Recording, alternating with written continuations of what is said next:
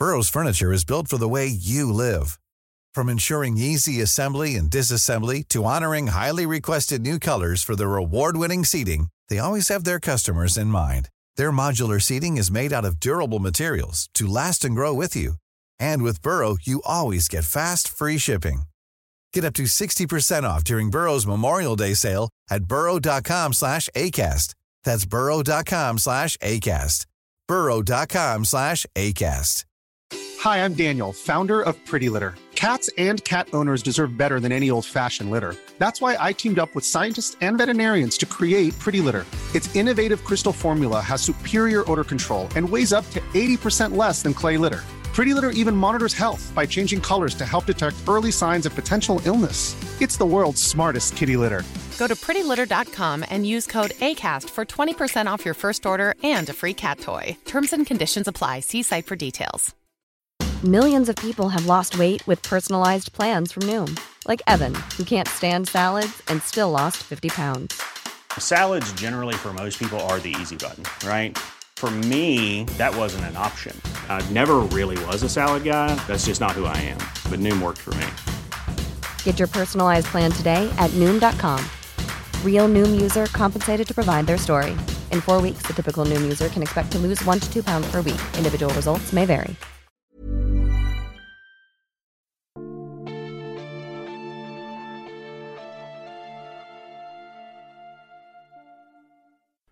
Välkomna till Sagan om Isfolket-podden avsnitt 56 Ondskans ansikte. Jag heter Dan och med mig har jag Anna. Hej Anna!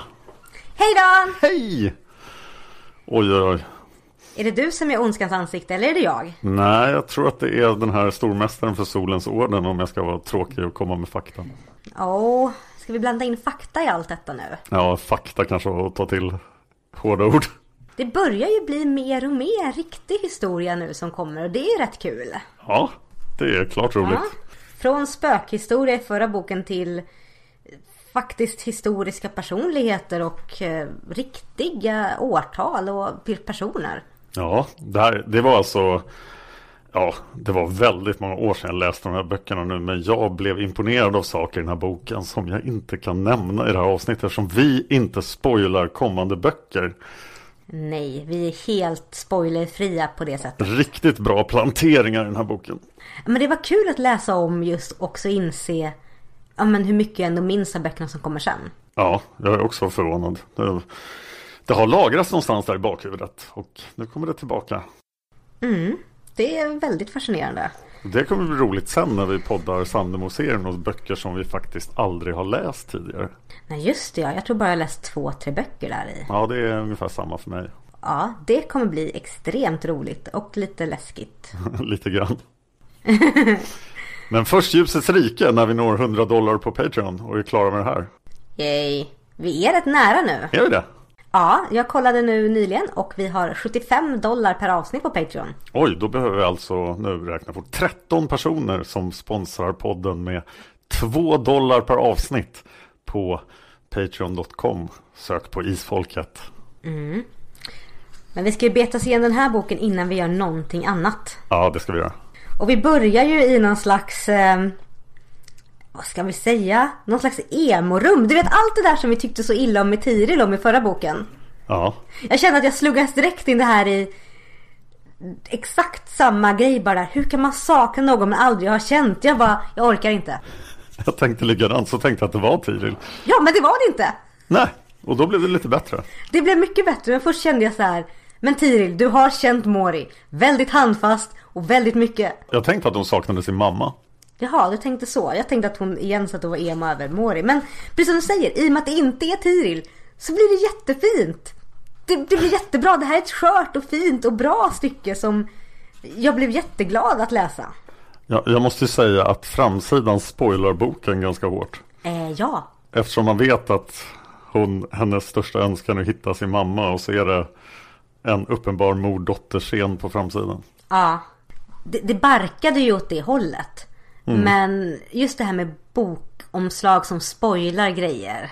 Som vi vet är, är på väg. Det, det är jag lite trött på. Det här var verkligen så här. Ja vi vet ju att det där måste vara Tiril. Det där måste vara hennes mamma.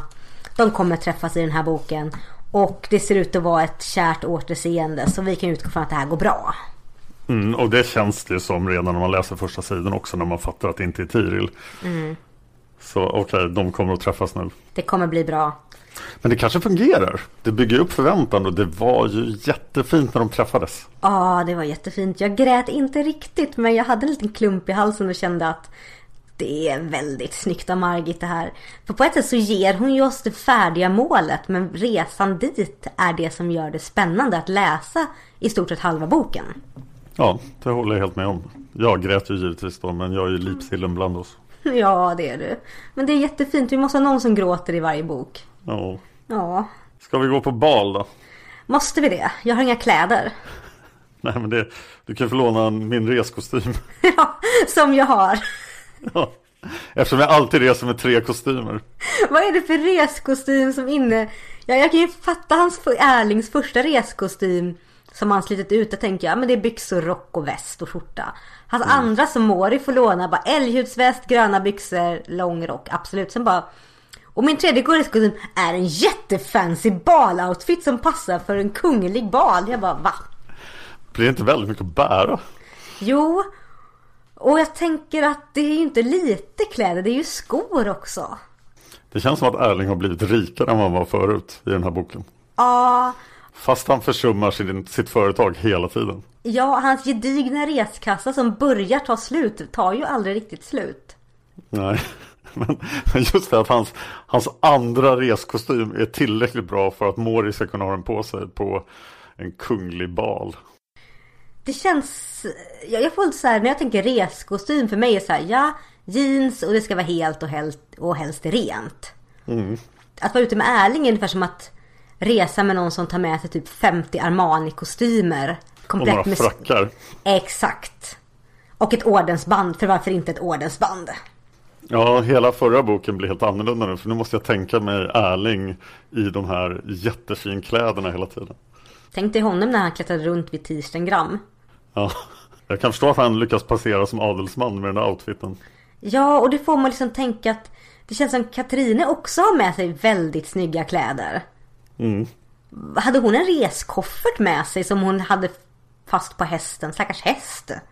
Ja, det känns som det här inte håller ihop riktigt. Men Eh, de kom in på balen, det är ju bra för att det för historien framåt. Ja. Det elementet som vi inte märkt så mycket av i förra boken, vilket var de här två männen som jagar Tiril. Det är ju ett reellt hot redan från sida två i den här boken. Ja. Jättemycket. De vet liksom att Tiril är där, de vet vart hon är. Det finns säkerhetsaspekter som Mori, Erling och i viss mån Katina också tagit till för att Tiril får inte gå ut själv.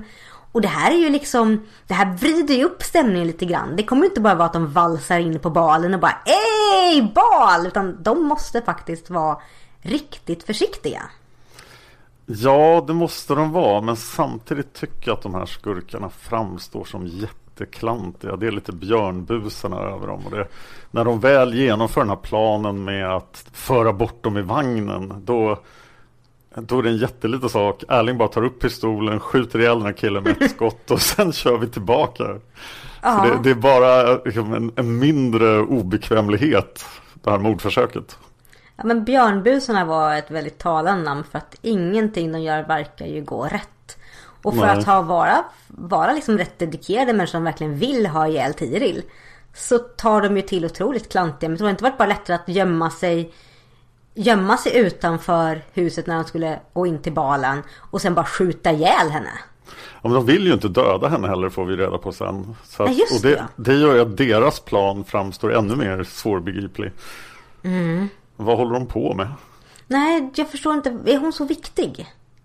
Och sen, jag måste, måste ranta om det här nu. Jag tänkte vänta med det men det, de känns inte som ett riktigt hot. Och sen har de det här amuletten som ska skydda dem från all magi. Men de har inte ens på sig den. Så det är bara från Kaltenhem som klarar sig för att han faktiskt har på sig sin amulett. Jag förstår inte riktigt hur de skyddar honom heller.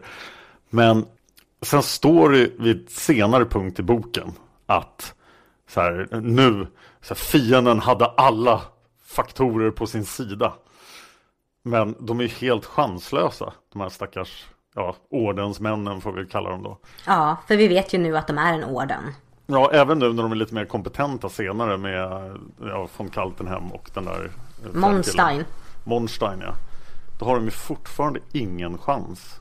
Nej, de har verkligen ingen chans. Men jag håller med dig liksom att på ett sätt, de blir inte ett hot men deras blotta närvaro blir ett hot. Men så fort de träder ut ur skuggorna och blir liksom personer så blir det väldigt mycket buskis över det. Och jag har svårt med det där med amuletten verkligen för att jag förstår mig inte på den. Jag ser inte vart det ska barka någonstans. Och sen också det att jag, jag drar lite grann paralleller till vampyrer. Om det är så att du är ett land med vampyrer och du vet att det enda som skyddar dig är ett kors. Så har du på dig det jävla korset. Ja, men sen verkar inte skydda dem ordentligt. De kan ju fortfarande sparka omkring dem. De borde ju kunna ha ihjäl dem hur lätt som helst. ja, alltså om man räknar som man sparkar någon ner för en brant. Ja, eller in i ett träd eller? Ja, ja det skyddar mot död fast inte mot olyckor.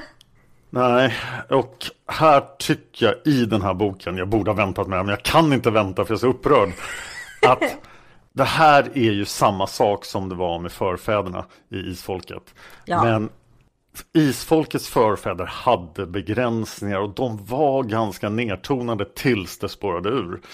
Men här har det redan spårat ur. De här hjälparna är ju jättemäktiga. Mm. Och det är en hel hög med läskiga individer så var och en av dem kan spöa hela solens orden känns det Ja, och det var ju det här vi var lite rädda för. Vi var ju glada för boken att andarna var så pass nedtonade att de faktiskt inte var... De var nästan inte ens med i Tiveden. Nej. Och sen var vi ju lite, vi var oroliga i bok två när de grep in utan att Mori sa till dem. Mm. Här verkar det ju vara så att här måste Mori tillkalla dem. Ish. Ja. Men de är fortfarande jätte, jättemäktiga och jag är rädd att det kommer balla ur totalt och att de bara kommer kunna hoppa in ur historien och göra grejer. Jag menar, för nu reser vi i tiden. Åh oh, nej! Jo, vi reser ju i tiden. Jo, det gör vi. Ja, vi reser i tiden, de sparkar folk, de har ihjäl folk, det är besvär till höger och vänster. Och den enda personen i andeskaran jag sympatiserar med eller så här, tycker är lite vettig, det är ju i så fall Moris pappa. Djuret är väl gullig. Ja, djuret är jättegulligt men som inte verkar vara totalt övermäktig. För läromästaren som också var människa men verkar vara jätte, jätte, jättemäktig också. Det som, skulle, det som är intressantast med hjälparna här är de här tre då som verkar agera utanför de andra. Och, och göra någonting i Tirils dröm. Det gillade jag jättemycket. Mm. Så det är det, andarna ger ju den här bryggan mellan fantasi och verkligt vi behöver. Och jag hade gärna sett att de fortsatte vara drömfigurer som Mori tillkallar, som finns i drömmar och lever som en så rådgivare. Men när de griper in rejält i händelser Mm. Så dels så blir det väldigt mycket isfolks övermäktiga andar över det hela. Och ja. dels så tycker jag att det sätter Mori i skuggan. Vilket är jätteoförtjänt. För jag tycker om att se Mori vara en mäktig häxmästare. Men det känns som att han bara, eller så bara lämnar jag walkover.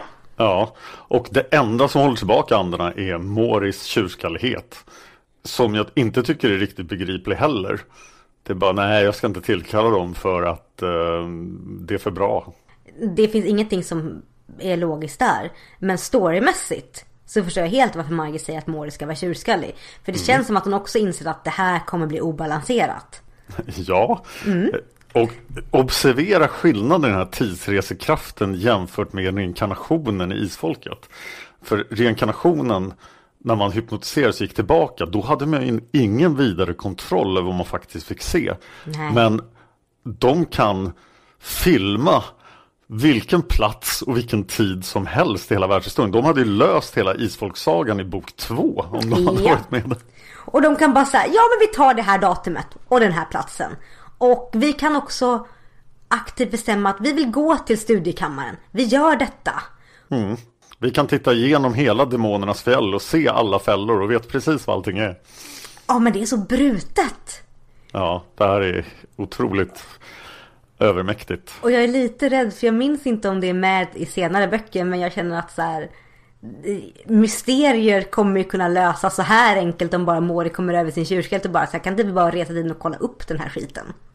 Motargumentet är ju den här mästaren som ju verkar vara en starkare häxmästare än Mori. Till och med han går ju bet här mot andarna. Så Mm. andarna samlat är mäktigare än vad han är. Ja, men där vill jag också hävda att det är ju alltid så att ett, ett fotbollslag vinner ju alltid över en stark spelare. Ja, och han verkar ju bara ha björnbusar med sig. Ja, men det är lite intressant. Vi får se vad det här kommer ge. För mästaren kanske har ett fotbollslag han inte har kallat in än. Jag hoppas det. Jag hoppas att Mori och Tiril och sällskapet inte får några fler allierade. Nu har de ju dessutom en, en hertiginna med jättestora resurser. Ja, Eh, Och att fienden har massor av onda allierade. jag hoppas lite grann det också för att nu skiftar det väldigt mycket till deras fördel. Men ska vi backa till den här hertiginnebiten? Ja, vi, vi backar till balen till och med. Ja just det, ja balen. Det var någon bal där också. Men vad är väl en bal på slottet? Den kan ju vara alldeles underbar. Eller dötrist och tråkig och för vissa faktiskt reellt dötrist. Ah, Åh, ah. är du från Göteborg? Göteborg. Okej. Jag, jag tyckte själva, själva skildringen av balen var jättecharmig. Ja, det tyckte jag med. Och jag tycker om att Margit faktiskt är så duktig på att eh, beskriva saker utan att skriva oss på näsan. Ja. Att verkligen säga, ja men det är det faktiskt det här. Liksom atmosfären är så här. Bara det med att hon beskriver, det luktar så här. Eller man känner den här insikten, så känner jag att ja det är ett varmt rum och sen får jag fylla i luckorna själv. Och så jag tror att min bild av hur balsalen ser ut är helt annorlunda än din bild. Men vi känner ändå samma stämning. Jag älskar dekadensen med alla som ja, tappar sås i sina kläder och är fulla och ja, Folk som är så här, ja men jag har en snusdosa, ja men det är ett bonskt mönster på. Det är så otroligt överklass-snobberi här så att jag blir alldeles varm i själen. ja. Mm, och de kommer ju in alla fyra för Katarina gör ju någon slags underverk här och får alla inventerade till en kunglig bal genom att bara blåljuga om allihopa förutom sig själv. Det kan ju ha funnits någon kvot som de helst ville uppnå där och så var det säkert några som inte kom och så var det så här, vi måste ha fullt här för att eh, kungligheterna ska känna sig uppskattade. Jag hade velat veta lite mer om vad de åt faktiskt. Det är det enda jag har anmärka på i beskrivningen av balen. För att jag tycker om beskrivningar av mat när jag läser. Tänk om George R. R. Martin hade skrivit det här stycket. Då hade vi hade haft två böcker om maten på balen. Då hade inte varit klara med den här boken än. Nej, de hade fortfarande varit på balen och ätit. Ja, och han hade fortfarande skrivit dem. Så eh, vi kanske inte ska låta George R. Martin skriva den här boken. Ja, Just det, bok fem hade fortfarande inte kommit ut. Nej, och det lär det väl inte göra heller på fyra fem år. Ja, fem, 15 april, Game of Thrones-premiär, sista säsongen. Mm. Ah, det ska bli nice. Mm. Jag kommer inte återuppliva min eh, podcast om Game of Thrones. Nej, men jag kommer live-blogga om den så att... eh, Mm. Följ Annas blogg. Ja. Hem. Men i den här boken då, Ondskans ansikte, så har vi inga drak. Vi har en drake! Har vi en drake? Ja, enkedraken. Ja, som, som Smaug fast annorlunda. Ja, tjockare. Och där har vi ju en intressant karaktär jag tänkte vi skulle komma tillbaka till lite senare. Men vi börjar då med att så här, de faktiskt försöker lista ut vem som är Tirils mamma. Ja, och hon är ju inte där. Nej, såklart. För varför skulle det vara enkelt? De avfärdar ju folk ganska lätt tycker jag. Från att vara Tires mamma. Bara, nej, henne vill jag inte ha som mamma. Jag bara, vill och vill och ska. Det är inte fråga om vad du vill. Bara, men har, hon som lägger an på hans majestät, nej usch nej. Jag bara, men det kanske är din mamma skulle sagt usch i så fall också. Sen är det en ganska stor slump att de bara råkar ramla in i henne. Ja, det här mordförsöket. De här, och igen björnbusarna på balen. Hur går det för dem då? inte så bra. Nej. Mori som bara häxar till eh, Henrik Rose. Eller Henrik Russ som bara börjar slå sin tallrik. Och sen det här mordförsöket som händer när de försöker slå ner Aurore. Ja, Va- Varför ska de slå ner henne och inte gå direkt på Tiril? jag tror att det var mörkt och han inte visste vem han slog. Fast om de, så här, Tiril som uppenbarligen är rätt liten, smäcker och graciös och de vet vilka kläder hon har. Och så förväxlar de henne med Aurore som är, klädd i, som är lite större och klädd i en rosa tårta till klänning. Eh, nu har jag ingen bra förklaring längre. Det späder ytterligare på den här björnbuse-grejen. Mm, lite grann. Och Henrik Russ är väl kanske den värsta av alla björnbusar. Ja, så jag vet inte om vi ska skylla på att han får dåligt, eh, dålig vägledning eller om han bara är kass. Men jag är inne på att han bara är kass. Ja, jag tror att han är, är, är den sämsta ordensmedlemmen. Ja, och sen så bara står det och är så här. Jag har rakat av min pipskägget så nu fryser jag om hakan. Man kan ju fråga sig vad den här orden sysslar med i övrigt. För de har ju mera folk att sända. Så att de måste ju ha folk ute som gör andra saker. Ja, och vad är det för någonting? Klipper trädgårdar, gör välgörenhetsinsamlingar, pappersarbete. Vi vet ju inte, vi vet inte så mycket om orden så det kan ju vara allt mellan himmel och jord. Men det verkar ju som att de har skickat eh, bottenskrapet på det här uppdraget. Och eh, att då Vettlev och Russ har sysslat med det här då i hur lång tid då? Fem år? Ja, och det gör mig lite förvirrad för att det känns som det här är en direkt hög prio för dem att få tag på Tiril. De vill inte att de ska träffa sin mor. Och så skickar de de sämsta. De har inte varit bättre att skicka eliten och få ett slut på det här. Då hade Tiril varit Liksom, då hade vi slutat det här i bok ett i och för sig men då hade i alla fall orden kommit någon vart. Ja, det, det är märkligt. Det verkar som att orden inte har bråttom förrän nu. Nej. Och de gör ju ett allvarligt försök att faktiskt här, ja men nu ser vi till att Tiril eh, blir mördad eller förs bort och det går inte. Och istället så hamnar, så leder det till att Tiril faktiskt får träffa sin mor. För att de snubblar typ in i hennes rum. Ja, Björnbröderna var så här, nej fan vi misslyckades. Och det gjorde att de öppnade upp det här questet. Aj då. De borde lyssna mer på Emil Örn för att dra paralleller till björnbusarna. Tol, tolka mästare ungefär som Emil Örn. Men här får vi ju en inblick i en väldigt tragisk historia. Verkligen. Den, den fick, gav mig också en stor klump i halsen när jag började läsa för jag hade glömt hur tragiskt hertiginnan Teresas liv faktiskt var. Och jag säger att det slog, det, det träffade mig mycket hårdare den här gången än första gången jag läste boken när jag bara var 18-19. Ja men hon har sin tragiska kärlekshistoria. Den här enda kvällen med sin ungdomskärlek som resulterade i Tiril. Och hon har faktiskt genom hela livet längtat efter att få träffa sin dotter. Absolut. Och varit, ja, och varit fast i ett olyckligt äktenskap. Jag blev förvånad över att hon var så ung. Ja, Jag får inte ihop det här riktigt för att eh, Tiril sägs ju nu vara 20 fyllda. Och Teresa beskrivs som 35. ja men 15? Ja, det kanske var så. Ja, men alltså om vi tittar på det rent krasst så gifte man ju så mycket tidigare i den åldern. Ja. Trolovades också och hon kan mycket väl få ett barn när hon är 15. ja. Det är inte bra men, men, men jag blev också förvånad för jag trodde hon skulle vara äldre. En jättebra plottdetalj är ju att hon inte vill prata om Tirils far. Den är jättebra. Det droppas ju hintar om Tirils far hela tiden. Och jag blir så nyfiken så jag håller på att hoppa upp och bara vill, jag vill bara skaka om Therese och bara men berätta vem hennes far är. För det är förmodligen jätte, jätteviktigt. Mm, Jag hoppas hon har ett riktigt bra skäl att vara så här hemlighetsfull. För det känns konstigt att hon är det. Jag får tyvärr intrycket av att det bara är missriktad lojalitet. Att hon är så här, nej men det är min ungdomskärlek. Men jag hoppas ju verkligen att det är något så här. Det är kanske någon jättehögt uppsatt människa eller någon som kanske de till och med känner och varit i kontakt med. Och det är därför de inte vågar berätta. Tänk om det är påven. Oj, det hade varit jätte, jätte, jätte, jätte, jätte, jättedåligt.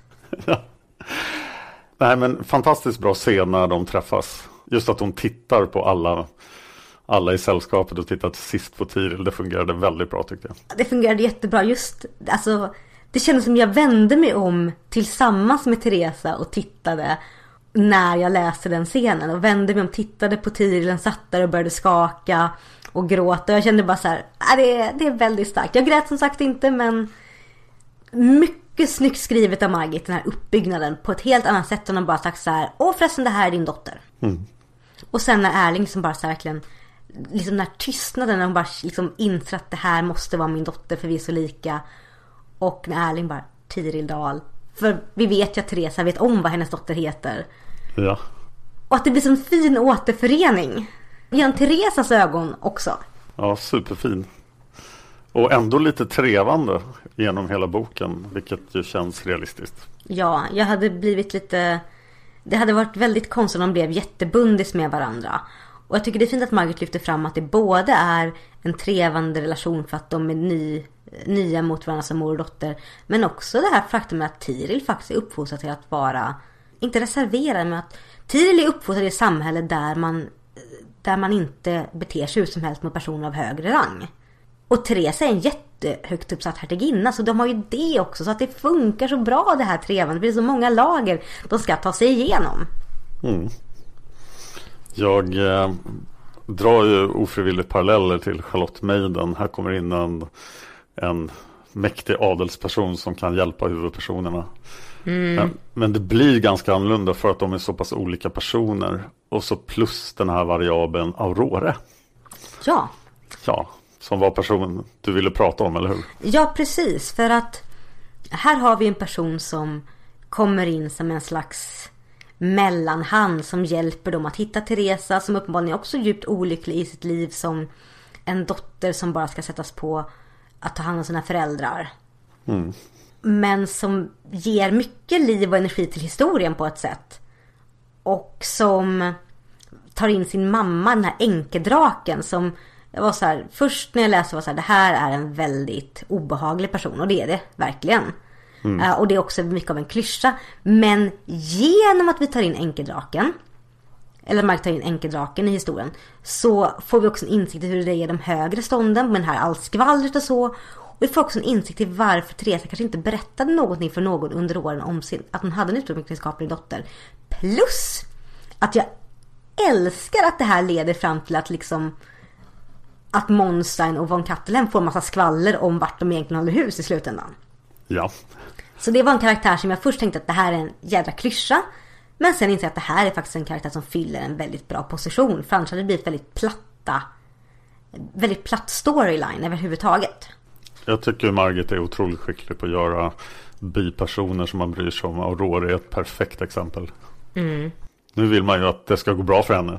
Jag, jag tror det kommer gå bra för henne. Jag fick bra känslor. Hon liksom bara började kasta av sig de här kraven på sin mamma och hitta riktiga vänner. Ja. Det gjorde mig lite lycklig. Det blir ju väldigt fint när de hittar varandra allihopa och sådär.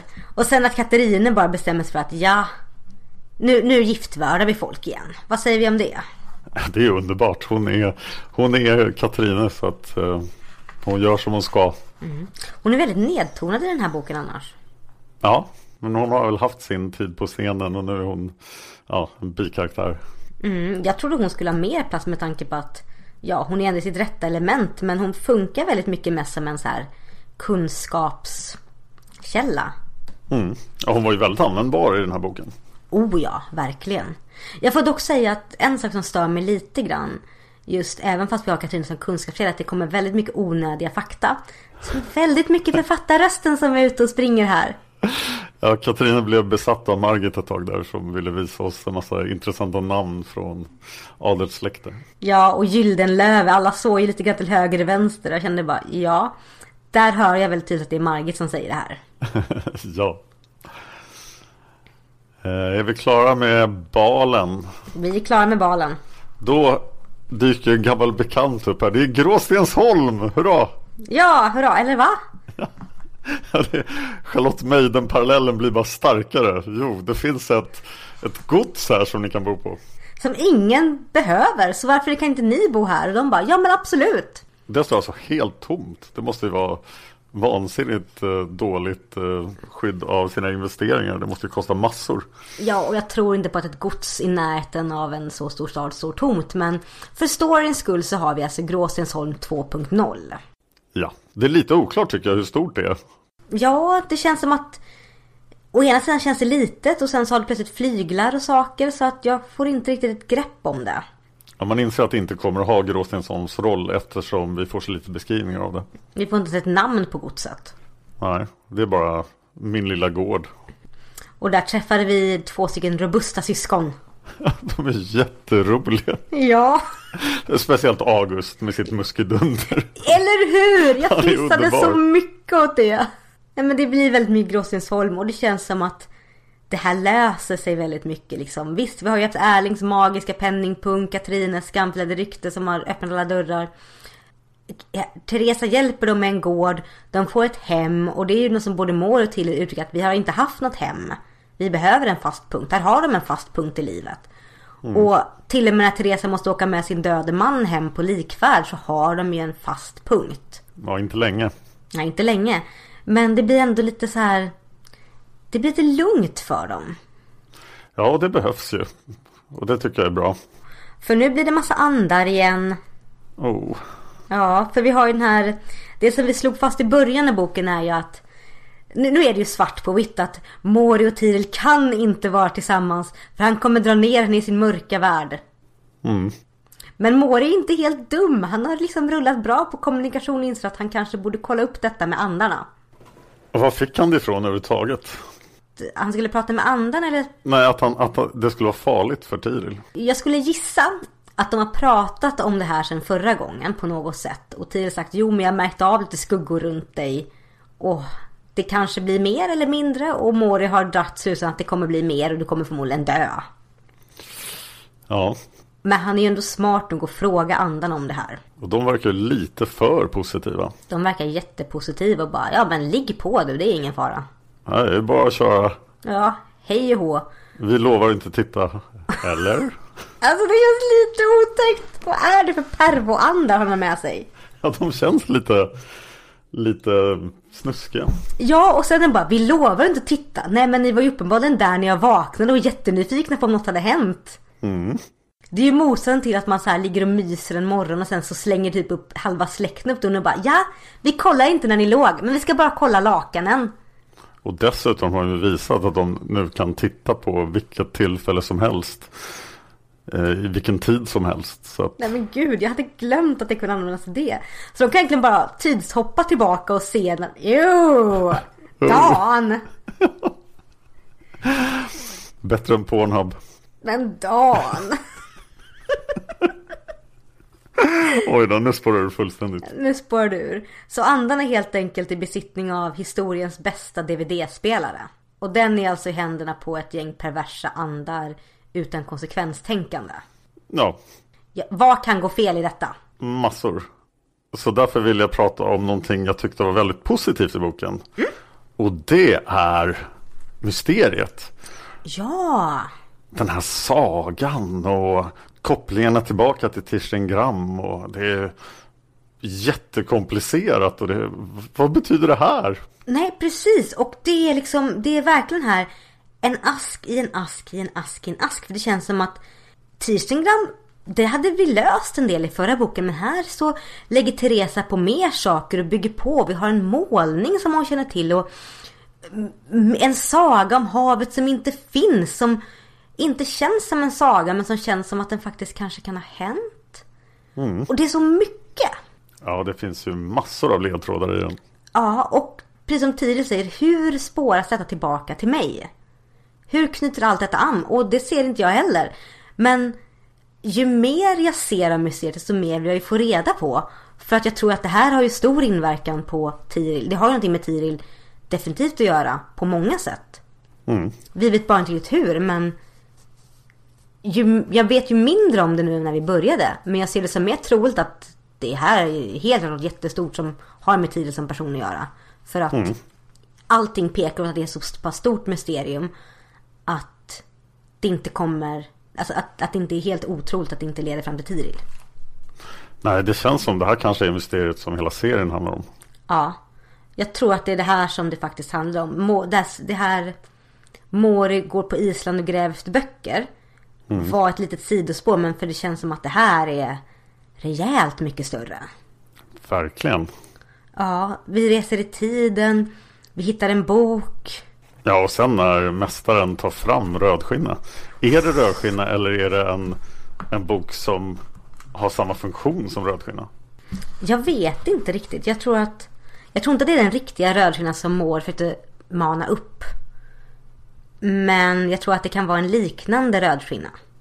Det är väldigt luddigt beskrivet de här sista meningarna i boken. En bok i rött skinn så åldrat att man knappt kunde urskilja den röda färgen längre. Svartnade guldbokstäver. Islänningarna skulle ha kallat en sån bok rödskinna. En sån bok, men inte den här boken. Nej. Men det fanns väl, det fanns väl ett visst antal rödskinna? Gjorde det verkligen? Ja, jag för mig det. Var det inte tre böcker och det var en rödskinna? Kanske. Det känns som att det här är ett, någonting vi får kanske få reda på mer med nästa bok. Ja, så lär det vara. Men är det här boken som Mori letade efter så tycker jag att det är jättesnyggt. Ja, och då får vi en förklaring till varför mästaren är så mycket starkare. För då har mästaren läst rödskinna, vilket Mori inte har. Exakt. Och jag tycker det är fantastiskt hur allting vävs ihop för att om jag tittar tillbaka till den första boken i serien skulle jag inte kunna tänka mig att vi skulle landa i en ordenssällskap någonstans i Europa med en jättestark mästare och en rödskinnabok. Och ett gäng björnbusar. Och ett gäng björnbusar. Och sen också ett mysterium som uppenbarligen går så långt tillbaka i tiden att vi inte riktigt kan greppa in det. Det går tillbaka till innan 1100-talet. Ja, det går tillbaka ungefär till Tengil den onde. Mm, spännande, spännande. Och också det här att den här med sagan om havet som inte fanns som ansågs vara tillräckligt viktig av Teresas far att berätta för sin dotter på dödsbädden. Och också be att hon att föremålet med den lilla demonnyckeln gick till hennes förstfödda. Det är så mycket sådana här grejer som vi hade kunnat avfärda som ja men det här är bara prat. Men det är tillräckligt viktigt för en döende man att ge sista grejen till på dödsbädden. Det är otroligt spännande. Mycket snyggt gjort av Margit. Sen kommer ju kalken fram igen också som Teresa pratar om. Ja, som han har tydligen. Ja, mästaren verkar vara väldigt bra på att komma över alla föremål som Ja. är viktiga. Och Hon nämner ju liksom det att så här, ja den är nog stulen. Ja det är det. Usch. Och, och så får vi träffa en till ordensmedlem som heter Lorenzo. Han är eh, second in command. Mm. Väldigt tydligt. Frågan är om han är en björnbuse-typ eller om han faktiskt bidrar med lite kompetens. För mästaren verkar ju otroligt kompetent. Ja, Det här ögonblicket när han eh, försöker häxa till sig Tiril är ett av de mest nervkittlade ögonblicken i den här boken. Håret med armarna bara reser rakt upp och jag bara Åh gud vad obehagligt det här är. jag önskar att det hade gått lite bättre för honom. Att han inte nödvändigtvis hade fått stryk av andarna där. Och förlorat den kampen. Att de hade gömt sig och att den här, det här skyddet som Mori gjorde lyckades gömma dem så länge som hans besvärjelse varade eller något sånt där. Så att det var så att det skulle kännas mera hotande. För att andarna räddade dem igen. När det, ja, jag tycker inte om det. Nej, och jag tycker liksom ändå att Mori gör sånt bra jobb med att väva ett skydd runt Tiril. Så att det hade varit bra om det var det enda han orkade med och sen liksom bara kunde lägga en skyddscirkel runt sig. Bara, ja, det här håller nog ett tag. Men that's it. För då hade de klarat sig precis. Exakt. Och Mori hade varit användbar. Men nu, nu inser vi att han borde ju bara direkt sagt så här, äh, andar, fixa det här. Ja, för att det var ju lite grann som i Tiveden i förra boken där Mori precis orkade med att sejla loss Katrine. Och sen precis med hjälp av Finngubben orkade med det här. Och sen var han helt slut. Ja, Men det kändes på något sätt mer rättvist för det var Mori av egen kraft som klarade av det. Han orkade. Och sen ska vi ju inte driva på myten för hårt om att man alltid ska klara sig själv och no man eh, is an island och allt sådär. Men här hade jag velat sett att Mori var lite mer av just en island. För att det tillför så mycket mer till hans personlighet. ja, vi kanske till och med kunde haft någonting att han klarade det på grund av Tirils kärlek eller någonting sånt. Men inte att han klarade det på grund av att han har övermäktiga hjälpare som kan göra vad som helst. Nej precis, för att det förpassar Mori till åskådarbänken på ett sätt som... Jag är inte redo att se honom där.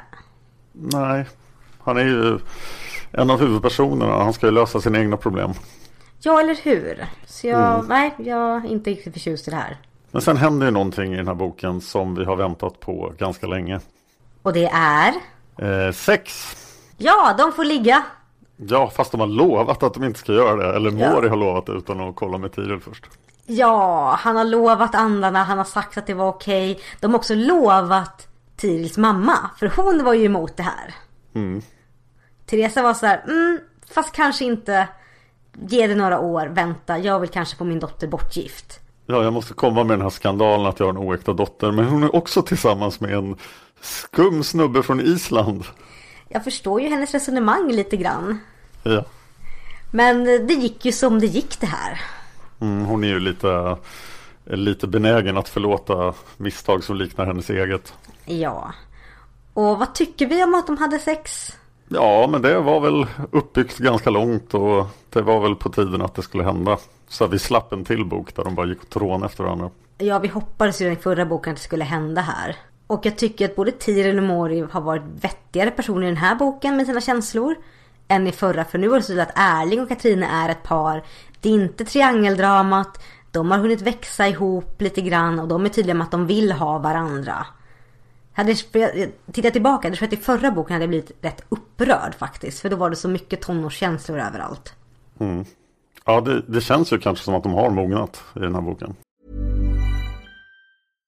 If you're looking for plump lips that last, you need to know about Juvederm lip fillers. With Juvederm Volbella XC and Juvederm Ultra XC, your lip look, whether it's subtle or bold, can last up to one full year with optimal treatment and no additional maintenance. Find a licensed specialist and see if it's right for you at juvederm.com today. That's J U V E D E R M.com. Add fullness to lips in adults over 21 with Juvederm Volbella XC or Juvederm Ultra XC. Do not use if you have severe allergies or a history of severe allergic reactions, or if you're allergic to lidocaine or the proteins used in Juvederm. Tell your doctor if you have a history of scarring or taking medicines that decrease the body's immune response or that can prolong bleeding. Common side effects include injection site redness, swelling, pain, tenderness, firmness, lumps, bumps, bruising, discoloration, or itching. As with all fillers, there's a rare risk of unintentional injection into a blood vessel, which can cause vision abnormalities, blindness, stroke, temporary scabs, or scarring. For full important safety information, visit juvederm.com. Ready to pop the question? The jewelers at BlueNile.com have got sparkle down to a science with beautiful lab grown diamonds worthy of your most brilliant moments. Their lab grown diamonds are independently graded and guaranteed identical to natural diamonds, and they're ready to ship to your door. Go to BlueNile.com and use promo code LISTEN to get $50 off your purchase of $500 or more. That's code LISTEN at BlueNile.com for $50 off. BlueNile.com code LISTEN. Burrow's furniture is built for the way you live. From ensuring easy assembly and disassembly to honoring highly requested new colors for their award-winning seating, they always have their customers in mind. Their modular seating is made out of durable materials to last and grow with you. And with Burrow, you always get fast, free shipping. Get up to 60% off during Burrow's Memorial Day sale at burrow.com slash ACAST. That's burrow.com slash ACAST. burrow.com slash ACAST. Ja, det var rätt att det hände. Men det blir ju lite problem. Och är Tiril gravid eller inte? Var det inte en väldigt städad sexbeskrivning också? Det var en jättestädad sexbeskrivning. Det var inga sälj, äh, ting, tingel och se, sälje höll jag på att säga. tingel och silje. Och definitivt inga svansar inblandade. Nej, det var väldigt städat. Det var väldigt, vad ska man säga? Inte tråkigt, men standard. Det kändes ju som att det var fyra sekunder också. Ja, tack. Jag försökte vara lite, lite finkänslig där. Ja. Det känns som det var fyra sekunder. Väldigt standard, väldigt uppstyrd historia. Och det som, skil, det som gjorde det mindre tråkigt var att vi fick hela den här åh, döden runt omkring. Ja, vad, vad var det? Ja, var, det var det den här inblicken i den nattsvarta världen som inte skulle hända som hände eller? Ja, den hände lite grann tror jag. Jag trodde det var andarna först, men det var inte de. Nej, den mäktiga körsång av dödas röst som låg och vibrerade djupast ner i tonskalan. Det borde varit en varning för henne, men hon vill inte höra. Är det någon väldigt komplicerad form av orgasm? Jag tror inte det för hon säger, det står också det att all lust i tider hade dödats av att det gjorde ont. Jaha. Så att det Trist. känns, jag, jag, vet inte riktigt vad jag ska säga om det här sexet. Det känns som att det var, vi har ju väntat på det länge. Men det var väl sådär. Och Tiril blev inte neddragen. Och Tiril dog inte. Det var väl det som var grejen, hon dog inte. Nej, det var ju bra. Mm. Men man tycker att Mori kunde varit lite försiktigare. Ja, han kanske kunde varit en något mer ömsint älskare med tanke på att han uppenbarligen visste så mycket om kvinnors anatomi. Mm, hur gick det till egentligen? Ja, han lärde sig det i klostret på Island som du kommer ihåg. Han visste hur man skulle tillfredsställa en kvinna. Uh, jag har ingen aning. Det här är någonting som... Jag hade förväntat mig att se lite mer av detta i den här sexscenen, men fick jag det? Nej. Ja, det kunde ju funnits några så här intressanta gallrar och sånt som hjälpte. Oh. Det kanske kommer senare. Det hoppas jag för Tirils skull, för det här kändes väldigt antiklimaktiskt för en av dem. Nu får jag en massa jättedåliga idéer här som jag inte ska säga. Men, Googla ja. inte på gallrar och orgasm, Dan. Nej, jag ska försöka. men den stora frågan efter det här är ju Är Tiril gravid eller inte? Ja, det verkar ju så. Och det verkar ju som att eh, andarna är jätteförväntansfulla. De bara ja, nu, nu händer det roligt. Ja, och det får mig att misstänka väldigt mycket. Eller man, man får ju gå tillbaka och läsa hela boken igen och då ser man att alla grejer de sagt var ju så här, ja men Tiril råkar inte illa ut. Så att vill de att det ska bli ett barn, blir det här ett djävulsbarn? Blir det här en reinkarnation? Har vi isfolket 2.0 här? Är det det vi siktar på? Mm, Det kanske är en utvalde som ska födas. Jag orkar inte. Kan de inte bara få ha ett vanligt familjeliv och fokusera på det stora mysteriet som är att resa tillbaka i tiden? Ja, det kunde man hoppas. Men det verkar ju vara någonting med det här blivande barnet då. Ifall det är ett barn på gång. Ja, eller så är det en djävul. Ja, det kan bli spännande. Men jag var, jag var överraskad av den här boken. Den var bättre än vad jag trodde. Ja, nu fick jag jättehöga förväntningar på den här boken på grund av eh, era synpunkter på förra boken. Det var ju någon som lovade att den här boken skulle vara mycket bättre än bok tre. Och det tycker jag inte att den var, men Nej. det var en intressant bok. Jag sträckläste den utan att blinka nästan. Ja, jag tyckte den var jätte, den var verkligen bra. Trean kommer alltid vara en särställning där. Alltså tittar vi på de första fyra böckerna nu tillbaka så var ju trean lätt bäst. Mm. Men det ska bli intressant nu när vi går in på bok nummer fem och se vad den bär med sig. Absolut. Bok fem heter Eldprovet. Eldprovet. Det ska bli spännande att se. Hoppas det inte är födseln. Mm, nej, då blir, jag lite, då blir jag lite lack faktiskt. Men vi har fått in en hel del synpunkter från er läsare på boken också. Och det tackar vi jättemycket för. Ja. Och för att lämna sådana här synpunkter då så är det bra att vara medlem på forumet på isfolket.se. finns en länk högst upp på sidan. Där får ni gärna gå med och skriva till oss när vi lägger ut de här frågetrådarna. Och det gör ni också, det är vi jätteglada för. Tack så mycket. Vill du läsa första svaret? Det första svaret kommer från Rexy. Och vi frågade vad tyckte du om boken? Och då säger Rexy. Jag retas på Margits moralkakor som kommer titt som tätt. Och vad är det egentligen som hon har med vi kan inte få varandra så vi hamnar i varandras armar på infoga något snuskigt uthus, smutsig lada, nästan ramlat ihop väderkvarn eller något annat uråldrig snuskig skräpig byggnad. När vi om sidor får lite ordentlig svart magi när mästaren kallar på Tiril är jag riktigt glad och det är så det ska vara. Detta är Margit på sitt bästa när hon leker med magi i texten på det här viset. Och jag gillar hur hon målar upp Aurore och skrattar när hertiginnan konspirerar mot draken och Mori ger Aurore ofarliga örter så hon verkar sjuk och får stanna kvar. Favoritögonblick i boken? Det är nog när mästaren kallar på Tiril. Tiril är lite härdad för magi vid det här laget och står emot. Hon kontaktar omedelbart Mori så han kan hjälpa henne. Det är fantastiskt. Vilken är din favoritkaraktär? Utan tvekan. Teresa! En så varm kvinna. Hur hon lyckas bevara sin självrespekt och värme genom det äktenskap hon har varit igenom. Mm. Och nästa svar kommer från Ursula Horn som säger Okej, nu har jag snabblyssnat på boken. Verkligen snabblyssnat. Det går att köra den i dubbel hastighet på Storytel. Vilket dessutom gör att tråkiga scener inte blir lika outhärdliga. Och antecknat massa saker samtidigt så att här kommer lite röriga tankar om ondskans ansikte. Boken då? Jag gillar den på det stora hela, men den känns lite osammanhängande i den dramatiska kurvan. Det är mer en samling saker som händer än en sammansatt bok, liksom. Den har dock många fina scener och en hel del av det här som jag verkligen gillar från isfolket. Snaskigt onda karaktärer som går precis vad de förtjänar och stunder av äkta värme. Favoritögonblick? Det måste vara Katarines beskrivningar av resten av folket på balen. Där kommer hon verkligen till sin högdragna, vasstungade rätt. Hennes övertygelse om att alla hon inte har koll på är sådana som inte är värda att ha koll på är fantastisk. Och jag tycker också om att hennes högmod där faktiskt får underbyggas av riktig kompetens. Och att Margit inte drar bort mattan under hennes fötter genom att låta henne göra bort sig. Favoritkaraktär? Jag tänkte säga Aurora, för henne känner jag verkligen sån värme för. Men jag måste säga att det är bonden. Så uppenbart skapad för just Aurora. Så trygg och godmodig, men med sitt “men de har gevär, då tar jag fram muskedundret” som samtidigt kan ge damer de romantiska komplimanger och dessutom bygger egna kyller. What's not to love liksom? Andra saker jag lade märke till. Pratet om kläder inför balen påminner lite grann av en analys jag läste en gång av huvudpersoner i småsunkiga populära citationstecken tjejböcker.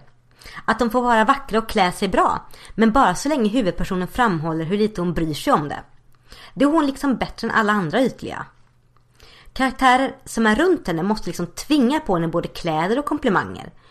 Och det är också ett ganska genomskinligt sätt att både äta och ha kakan kvar. Nu ska du säga till Margits försvar att det finns många sympatiska karaktärer i hennes böcker som till oss älskar kläder och skönhet. Men just här blir det verkligen så med Tiril och Katrina. Sen, skämtet om på balen om damen som letar efter näsduken i urringningen och säger Det fanns två här i morse. Låter väldigt mycket som den typiska Margit-grejen att ta med ett skämt hon hört och tyckte att det var roligt. Men det var faktiskt kul, så jag kan ha överseende med det. Samt citat Tiril hade som en knut i maggropen. Hela situationen i sig själv var overklig och nu skulle hon gå över i sagor också. Ursula Horn säger Välkommen till häxmästarserien Tiril. Det är så vi rullar här. Regelbundna mer eller mindre motiverade sagostunder är grejen. Ja, jag håller med Ursula här. Ja. Ursula säger vidare, när andarna förklarar hur de ska resa tillbaka i tiden så tycker jag att de väl växlar väldigt mycket mellan att antyda att det finns farliga saker med det och sen bara, nej men det är lugnt, såpa er inte. Och typ, ni måste säga exakt tid och plats att komma tillbaka till. Som sekunden efter blir, om, om vi hamnar fel, nej då flyttar vi oss igen, det är ingenting. Jag skulle tycka att det kändes dåligt sammanhållet om det inte var så att det är ungefär exakt så som jag låter när jag instruktioner till någon. Vilket alla som lagat mat med mig vet. Det här är jättelätt, det fixar mig. Men hur gör vi med det här? Sen också, Tiril och Mori färdas genom tid och rum under jorden. Det var inte som att arkeologiskt skiva upp lager av snäckskal, blåror och köksavfall. Fast hon visste att jordskapen i sig knappt ökat med mer ett par tum de senaste sju seklerna. Är det något man tänkte på på 1700-talet? Kanske är det så i och för sig. Jag blir ofta förvånad över hur långt tillbaka saker sträcker sig. Jag, jag är beredd att säga att man inte tänkte så på 1700-talet utan möjligtvis på 1800-talet. Mm, jag är nog beredd att hålla med dig där Dan. Jag tänker att det här är författarrösten som är inne och eh, briljerar lite grann. Ja. Vidare säger Ursula Horn Tiril hör konstiga röster i mörkret. Citat. Den viskade hennes namn. Tiril, Tiril Dahl. Långsamt händöende mot slutet. Ett öga. Hon fick intrycket av ett jättestort öga som från ett torn högt ovanifrån. Högt, högt ovanifrån sökte det ögat henne utan att finna henne. Ännu. Slutcitat. Ursula hon säger Sauron, är det du? Det är ju helt uppenbart här att Pete Jackson har kopierat Häxmästaren. Ja, jag tror vi kan faktiskt konstatera det för att det nu föll bitarna på plats för mig också vad det var jag störde mig på med den scenen. Ja, den här boken är ju från 94 så att uh, Pete Jackson hade uppenbarligen läst den innan han skrev manuset. Ja, och sedan säger Ursula Horn, tid bättre om drömmen hon just haft där hon fått ett föremål och cirka en miljon kryptiska antydningar från förfäderna. Mori reagerar med äsch, det var säkert bara en dröm. Jag hade en totalt relaterad dröm förresten. Vilket sammanträffande. Antagligen inget skumt alls. Tänk vad lustiga drömmar kan vara. Ursula Horn säger, de är så dåliga på att inte vilken bokserie de är med i. Hallå! Och sist säger Ursula Horn, tack för en underbar podd. Jag ser fram emot att ta till mig de böcker jag inte har läst i häxmässerien. Gav upp runt bok sju eller något och få energi av att fortsätta av er. Tack så jättemycket! Och det är verkligen jätteroligt att så pass många av er läser serien med oss nu. Det är jättekul. Det är verkligen roligt. Det ger oss massa pepp också ska vi faktiskt säga. Absolut. Nästa synpunkt kommer från fröken Anna-Maria. Ett mycket hastigt inlägg av mig skrivet i mobilen på bussen så ni får ursäkta eventuella skrivfel. Jag tyckte boken var rätt omväxlande. Den håller ett rätt bra tempo. Tiril och Mori kommer äntligen till insikt att de hör ihop och några gåtor blir lösta. Jag är måttligt förtjust i andarnas inblandning men det mystiska lockropet i mörkret känns riktigt läskigt. Favorithändelse? Katrins kommentarer under balen och adelsfamiljernas alla krumbukter. Blir man automatiskt korkad av att vara adlig? Hertiginnan Teresa är åtminstone en motvikt. Favoritkaraktär utan tvekan Aurore. Hon introduceras som en tanklös hönshjärna men visar sig vara riktigt skärpt när det gäller. Jag önskar verkligen att hon ska få sin bonde och komma undan sin tyranniska mamma. Mm, tack så mycket. Och nästa inlägg kom från Magnus Vandraren som säger Han precis lyssnat klart på boken. Jag tycker att boken stundtals var riktigt bra. Man fick äntligen svar på om Tirils mamma. Favoritögonblicket är när Tiril återförenas med sin mor. Favoritkaraktären det blir nog Katrine som ordnar så att Teresa blev av med sin elaka och hemska man. Och den karaktären jag hatar mest det är nog Smilfinken. Ja, hon var ganska vidrig. Henne nämnde vi inte överhuvudtaget men ja. Enkedrakens eh, skvallerbenägna tjänarinna. Ja, hon var riktigt vidrig faktiskt. Ja usch för henne. Silja Arngrimsdatter säger, vad tyckte du om boken? Detta var en av mina favoritböcker i serien första gången jag läste den och jag gillar den fortfarande. Äntligen får Tiril träffa sin mamma. Tiril och Mori får varandra på riktigt och vi anar mer än konturerna på vad de har att kämpa mot. Favoritögonblick i boken? Slottsbalen på Akershus. När Teresa tar emot våra fyra vänner och Tiril hela tiden håller sig i bakgrunden. Och till slut sjunker in hos Teresa att dottern som hon har längtat efter så många år är i rummet. Tiril och Mori på Aurores gård. Inte ett speciellt ögonblick nämnt och inget glömt. Vilken är din favoritkaraktär? Teresa är en varm och fin kvinna som vi blir väl bekanta med eftersom mycket av handlingen ses från hennes synvinkel. Påminner lite grann om Hildegard i Isfolket. Mm. August är en sån trygg och god och kraftfull man som jag som regel alltid har, alltid har lätt för. Som Henning med ett litet, eh, en liten bit av Jesper i sig, lite godmodigt naiv. Om vi ska fortsätta att dra liknelser med Isfolket. Eller förstås Mori och Tiril och Nero. Också Aurore och Theresas diskreta kammarjungfru. Och Katrin är inte illa i den här boken. Och inte lika illa som i den förra. Här är hon ju faktiskt nytta. Annat. Jag vet ju att eh, Sagan om ringen var en av Margits favoritböcker. När Mori blir introducerad i bergen så ger han starka Aragorn-vibbar. Och här har vi det sökande ögat. Mm. Och vi har också von Kaltenhem som blir slängd runt av osynliga krafter. Och det påminner mycket om scenen med Frodo och Gollum. Vi, jag, jag slår mig nu här, vi måste ju prata lite om Nero också. Han Ja. nämner alldeles för lite. Han är ju en stjärna i den här boken. Han är massor av en roliga saker. jättestjärna. Och han är så fin och jag älskar att när Mori väver skyddet runt Tiril så väver han det runt Nero också. Ja, Nero bara vad som händer bäst jag sitter still. Ja, men han, han sparar upp faror. Han är aktiv i att rädda Tirils liv flera gånger. Och han, alltså Nero är så jädra fin. Jag tyckte det var jättegulligt när Tiril skulle förklara för honom vad han skulle göra när han skulle bli lämnad ensam. Bara stanna här nu, vakta Tiril sig och Nero bara går ni ifrån mig? Du försöker bara gå ifrån mig. Vad har jag gjort för fel? Och jag kan verkligen se det framför mig. Hundar kan se så otroligt förkrossade ut då. Mm, och så också där han eh, luktar till sig den där löptiken och tycker att nu har jag en ny prioritering. Woho! Så bara, varför får jag inte gå dit? Är ni dumma? Jag bara nej Nero, nej. Stygg Nero. Ja. Undrar om han kan föra vidare sin, eh, sin superkraft som han har fått. Att leva jättelänge. Ja, han får så här valpar som lever i flera hundra år. Det hade varit jättespännande. Åh, jag vill se mer av Nero. Då kommer hans avkomma att ta över hela världen. Jag är helt okej med det. Ja, det verkar bra. Det kör vi på. Ja, det var den här boken du. Oh, ja, ni får hemskt gärna ge oss iTunes-recensioner så kommer vi läsa dem i podden.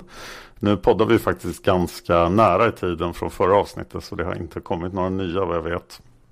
Mm, Men ni får jättegärna gå in, ge oss ett omdöme och eh, skriva vad ni tycker om oss. För det är väldigt peppande och trevligt för oss att läsa.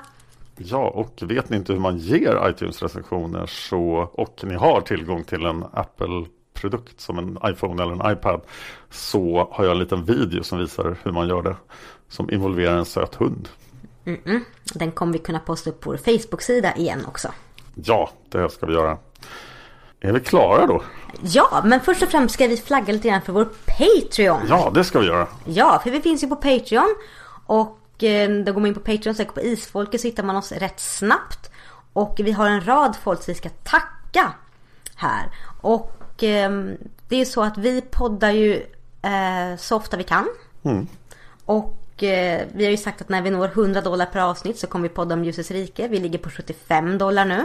Yes! Jag vill podda om ljusets rike. Jag längtar så mycket efter ljusets rike. Jag längtar väl mindre, men hurra! Laser! Pew, pew, pew. Ja, det här kommer bli kul.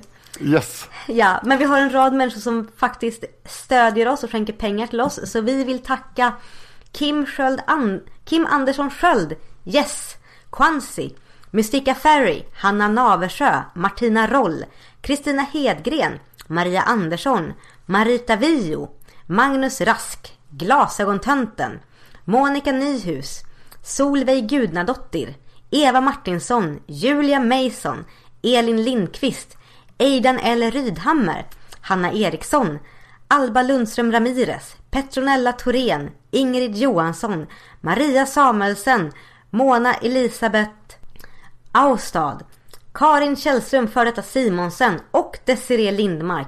Tack så jättemycket för att ni sponsrar oss på Patreon och ser till att vi är ett steg närmare att faktiskt podda om ljusets rike. Tack så otroligt mycket. Jag fick just eh, ökade avgifter för servern där alla avsnitt ligger. Men eh, det klarar vi av att betala på grund av ert stöd. Så att annars kunde alla gamla avsnitt ha försvunnit för en månad sedan. Men det var inte aktuellt utan vi kunde betala för oss och klara oss. Mm, tack så jättemycket. Så om det är så att ni lyssnar på podden och känner att ni vill gå in och sponsra oss så gå jättegärna in på Patreon och sök på Isfolket. Ni kan skänka 2, 5, 7, 15 eller 20 dollar per podcastavsnitt. Och jag vill flagga lite grann extra för 15 dollars nivån. För att när ni har varit på den här nivån i två avsnitt så kommer vi podda om en bok i Sandemo som du får välja. Och det kommer vi göra efter Häxmästarserien. Så så om det är så att ni verkligen, verkligen vill höra en bok i Sandemo-serien redan nu så gå in och skriv upp er på 15 dollars nivån. För, annars, för Sandemo-serien kommer vi annars inte podda om förrän vi når 300 dollar per podcastavsnitt. Och det låter jätteroligt för då får vi verkligen podda om en bok ur Sandemo-serien som vi förmodligen inte har läst. Mm. Och som betyder något speciellt för en av er. Så att det kommer att bli jätteroligt. Ja, så vill ni ha en bok i Sandemo-serien så lägg er på 15 dollars nivån. Ligg där i två avsnitt och eh, sen så kommer vi fråga er när, när vi börjar dra oss närmare slutet på X-mässan om vilken bok ni vill att vi poddar om i Sandemo-serien. Det kommer att bli jättespännande också att försöka hitta de här böckerna i Sandemo-serien. Jag har tänkt på det också. Jag tänker vi tar det när det kommer. Vi löser det. Ja, jag har ju en kartong med Sandemo-serien böcker men det är inte alla. Jag har tre. Så att jag ligger värre till än vad du gör. Okej. Ja, antikvariaten kommer att få besök. Så, Dan, vad kan man hitta mer av dig till nästa gång? Ja, jag håller just nu på med ett uh, nytt projekt som kommer att lanseras brett i juni. Det är Mördarpodden eftersom jag har massa poddar om mord, Seriemördarpodden och Massmördarpodden och Palmemordet så behövdes det en podd där vi pratade om citationstecken vanliga mord, alltså mord som inte är massmord eller seriemord. Och den podden har jag valt att göra lite annorlunda. Så där har jag med en annan röst. Det är Josefin Molén. Och vi tillåter oss att eh, ja, prata och ha dialoger till skillnad från seriemördarpodden och massmördarpodden. Och vi gjorde i fredags innan vi spelade in det här en livesändning på Mördarpoddens YouTube-kanal. Det går att tjuvlyssna på sex stycken avsnitt på YouTube eh, på Mördarpoddens kanal. Men den stora lanseringen på alla poddappar och sånt kommer att hända i juni. Men om ni redan nu vill följa Mördarpodden så kan ni göra det på Facebook och på YouTube. Och jag tror att det här, eh, det här kommer att bli en ganska stor podd när den väl redan intresset nu är väldigt stort. Så att det är spännande och den, det finns en baktanke med den här podden och det är just att den ska kunna framföras live på scen. För jag vill ogärna sitta och prata seriemördare alldeles själv på en scen. Så att, eh, men det är mycket enklare. Vi har ju poddat live. Mm -mm. Och eh, det lärde mig att eh, oj vad mycket lättare det är om man är två. Däremot ja. kommer vi inte att göra det i år på Gotcon. Wow. Och det bör vi nämna här då. Så att, tyvärr eh, var det inte möjligt. Så det kommer inte att bli av i år. Men om ni tycker att det var jätteroligt att vi poddade live på Gotcon så kan ni ju säga det så kan vi försöka arrangera det för nästa år. Mm. Och jag kan skvallra om att ni under året bör hålla lite extra koll på vår Facebook-sida för det kan dyka upp en blänka om ett riktigt kul projekt vi vill göra. Så håll utkik där när vi slänger upp någonting. Spännande. Mm -mm. Vad kan lyssnarna hitta mer av dig Anna? Jag finns på Facebook, på min offentliga Facebook-sida. Där heter jag Setsuna Seras. Gå gärna in och följ mig där. Klicka gilla så blir jag glad. Och där postar jag upp allt möjligt. Främst mina blogginlägg men också roliga artiklar och saker jag tycker bör spridas. Och som sagt så skriver jag på en blogg, setsunaseras.blogspot.se. Den jättegärna får gå in och läsa. Och sen finns jag på Twitter, Där heter jag Setsunaseras. Och även på Instagram, där heter Setsunaseras också. Och där får ni jättegärna gå in och följa mig. Då måste jag också nämna Twitter och Instagram då. Jag fick precis reda på av Josefin att jag heter inte Dan Hörning på Instagram. Det går att söka på Dan Hörning men mitt konto heter Dan Horning där också. Vilket det heter på Twitter med. Så jag har sagt fel i typ 80 avsnitt av Seriemördarpodden. Du är sämst Dan, sämst. Ja.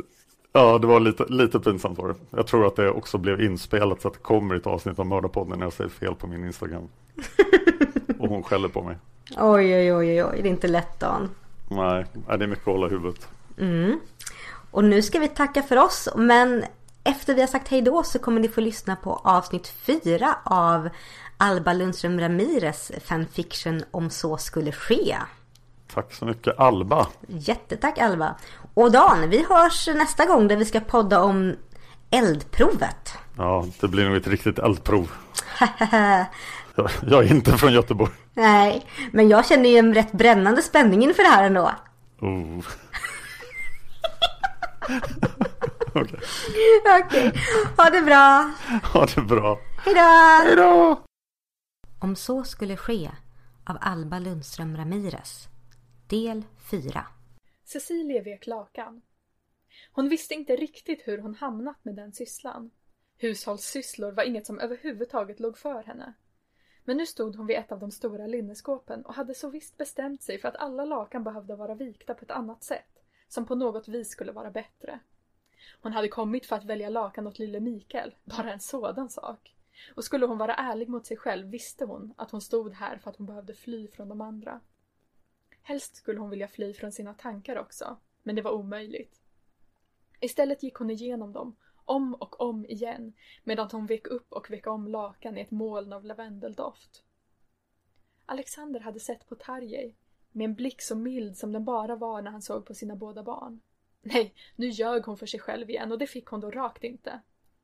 Alexander hade sett på Tarjei med en blick som annars var förbehållen henne själv, hans hustru. Hon hade varit så säker på, all, på att allt det där var ett för länge sedan avslutat kapitel i hans liv. Hon hade behövt vara säker på det för att känna sig trygg hos honom. Trygg med att han ville ha henne. Men det ville han, han visade det varje dag. För att inte tala om så gott som varje natt fortfarande, efter alla dessa år. Cecilia visste att Alexanders kärlek till henne var så obrottsligt lojal att han själv med största sannolikhet inte ens hade märkt känslorna som var så tydliga för henne. Nå, det var Alexander. Vad så med hennes olycksalige kusin? Cecilia skakade ut nästa lakan lite hårdare än vad som strängt sett var nödvändigt. Det fladdrade av små lila blommor i luften. Hon hade inte velat prata med Alexander om det, för att inte göra honom mer orolig än han redan var. Men hon hade haft djup ångest över Tarjei ett bra tag nu. Han hade alltid varit den klarast lysande stjärnan bland dem. Nu glömde Cecilia sig själv, som väl också kunde räknas som ett av isfolkets starka blås. Men på senaste tiden hade han varit sig så olik. Hon visste att Alexander hade varit honom till tröst ofta och hade glatt sig så oskyldigt åt att männen funnit varandra. Alexander var ju botad nu. Men nej, om hon skulle fortsätta den här tankegången fick hon inte tänka med de orden. Inte botad, inte en sjukdom. Hon hade behövt den förklaringen förut, desperat behövt något som kunde försäkra att Alexander alldeles visst var hennes helt och hållet. Nå, nu var hon tillbaka på sin make igen. Det var ju Tarje hon skulle tänka på. Hon visste att Alexander hade varit honom till stor tröst, men hon förstod inte förrän nu, alldeles nyss, hur långt det sträckte sig. För blicken i Tarjeis ögon hade också avslöjat så mycket mer än han anat. Och nog kunde hon förstå honom. Tarjei måste vara i stort behov av en räddande ängel och hon visste så väl hur bra Alexander gjorde den rollen. Men hon misstänkte också att det sträckte sig förbi det. Hon hade sett en själarnas förståelse mellan dem ibland och alltid slagit bort sin svartsjuka med att det inte kunde leda till någonting. Nå, så hade hon haft fel. Vad skulle hon göra åt det nu? Cecilia hade stannat upp med ett lakan i händerna. Vi låg halvt nere på golvet, drog väl åt sig damm och smuts trots att korridorerna sopades ofta. Inte för att det gjorde något. Så fort Cecilia lämnade rummet skulle en husa göra om allt sin matmors arbete och skilja ut det som behövde tvättas utan att Cecilia fick veta det. Tarjei behövde honom. Cecilia tvingade sig själv att möta tanken rakt på. Det var som att vända runt ett hörn och se en helt annan värld öppna sig. Hennes Tarjei hennes älskade kusin, hennes isfolkssläkting, behövde Alexander. Hennes Tarjei, som hade fått stå ut med alldeles tillräckligt redan. Nå, så var det bestämt. Två saker hade alltid utmärkt isfolket. Hur de sattes familjens väl före allt annat och deras brist på respekt för konvenansen. Cecilia vek slarvigt ihop det sista lakanet och tryckte in det i skåpet. Dörren gick inte att stänga helt, men det märkte hon inte ens. Hon behövde prata med Alexander. Alexander var vacker som en gud och just nu såg han ut som en rasande Apollo. Så gör jag väl det, sade han med rösten hårt återhållen. Cecilie visste att det bara var hans känsla för diskretion som höll honom från att ryta åt henne. Hennes make behandlade henne alltid med den största respekt. Men en del av den respekten innebar att han nu för tiden aldrig behandlade henne som en porslinsdocka. Och när de var oense kunde de ryka ihop i hetsiga ord där ingen av dem sparade på krutet. Hon hade visserligen börjat lugnt denna gång. Men ämnet var känsligt och det behövdes inte mycket påtryckningar för att hans humör skulle rämna. Du känner attraktion till Tarjei? Ja! Fördömda kvinna! Är du nöjd, nu när du har fått mig till att erkänna detta för dig? Detta som jag inte ens erkänt för mig själv? Naturligtvis, sade Cecilie lugnt. Luften for ur Alexander. Han satte sig ner. Han hade rest sig när diskussionen hettat till för att vanka av och an i biblioteket där de talades vid. Du är alltså nöjd, sade han trött, med att själva grunden till vår nuvarande äktenskapslycka rivits upp. Med att jag återigen är en förvriden man med att... Är det så? avbröt Cecilie. Älskar du mig? Alexander stirrade på henne. Mer än livet självt! Cecilie, jag... Då så, sade Cecilie bestämt. Alexander, varken du eller jag har någonsin gjort saker riktigt som alla andra, är det inte så? Och tiden när jag trodde att jag kände alla begränsningar som fanns för kärlek är för länge sedan över. Vad vi behöver mellan oss är kärlek och ärlighet och det gäller ärlighet även inför oss själva. Det här kommer att gå lika bra som allt annat vi har mött tillsammans. Alexander skrattade till, eller kanske grät han. Du upphör aldrig att förvåna mig, Cecilia.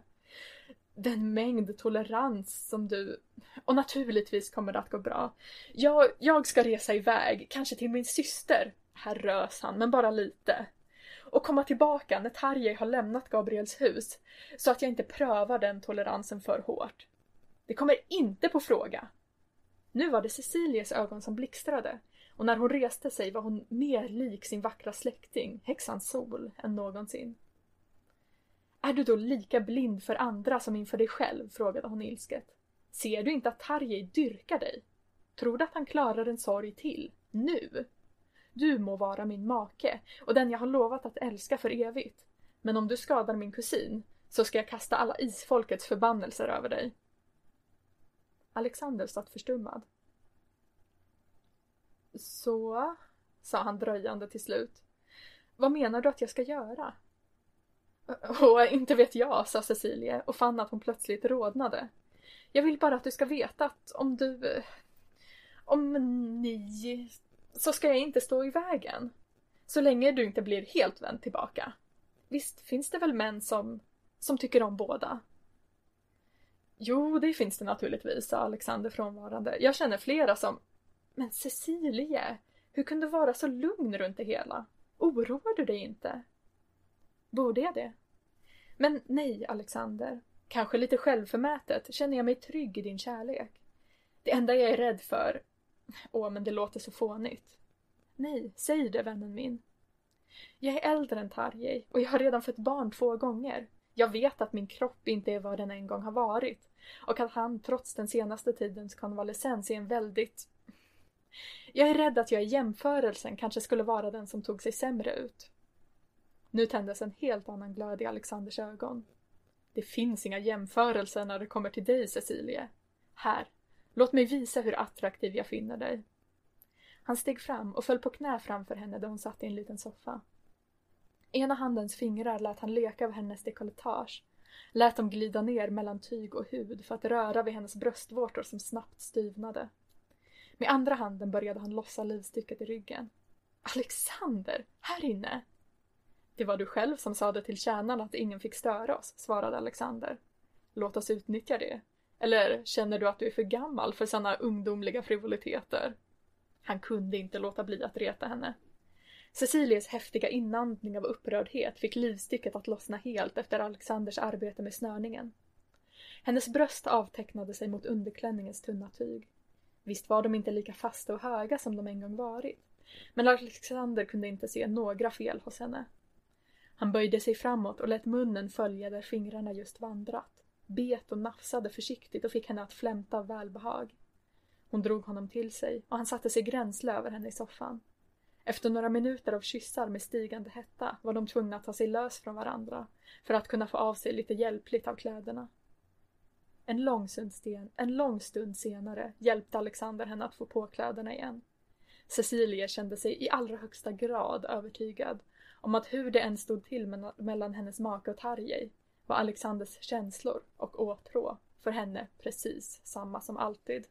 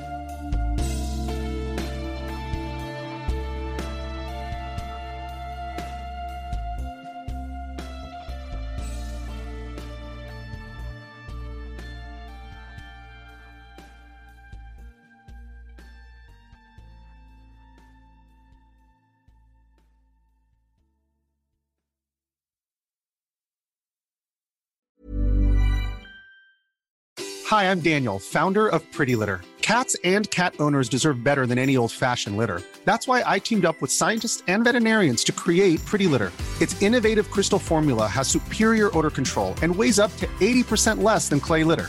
Pretty Litter even monitors health by changing colors to help detect early signs of potential illness. It's the world's smartest kitty litter. Go to prettylitter.com and use code ACAST for 20% off your first order and a free cat toy. Terms and conditions apply. See site for details. Planning for your next trip? Elevate your travel style with Quince. Quince has all the jet setting essentials you'll want for your next getaway, like European linen, premium luggage options, buttery soft Italian leather bags, and so much more. And is all priced at 50 to 80% less than similar brands. Plus, Quince only works with factories that use safe and ethical manufacturing practices. Pack your bags with high-quality essentials you'll be wearing for vacations to come with Quince. Go to quince.com slash pack for free shipping and 365-day returns.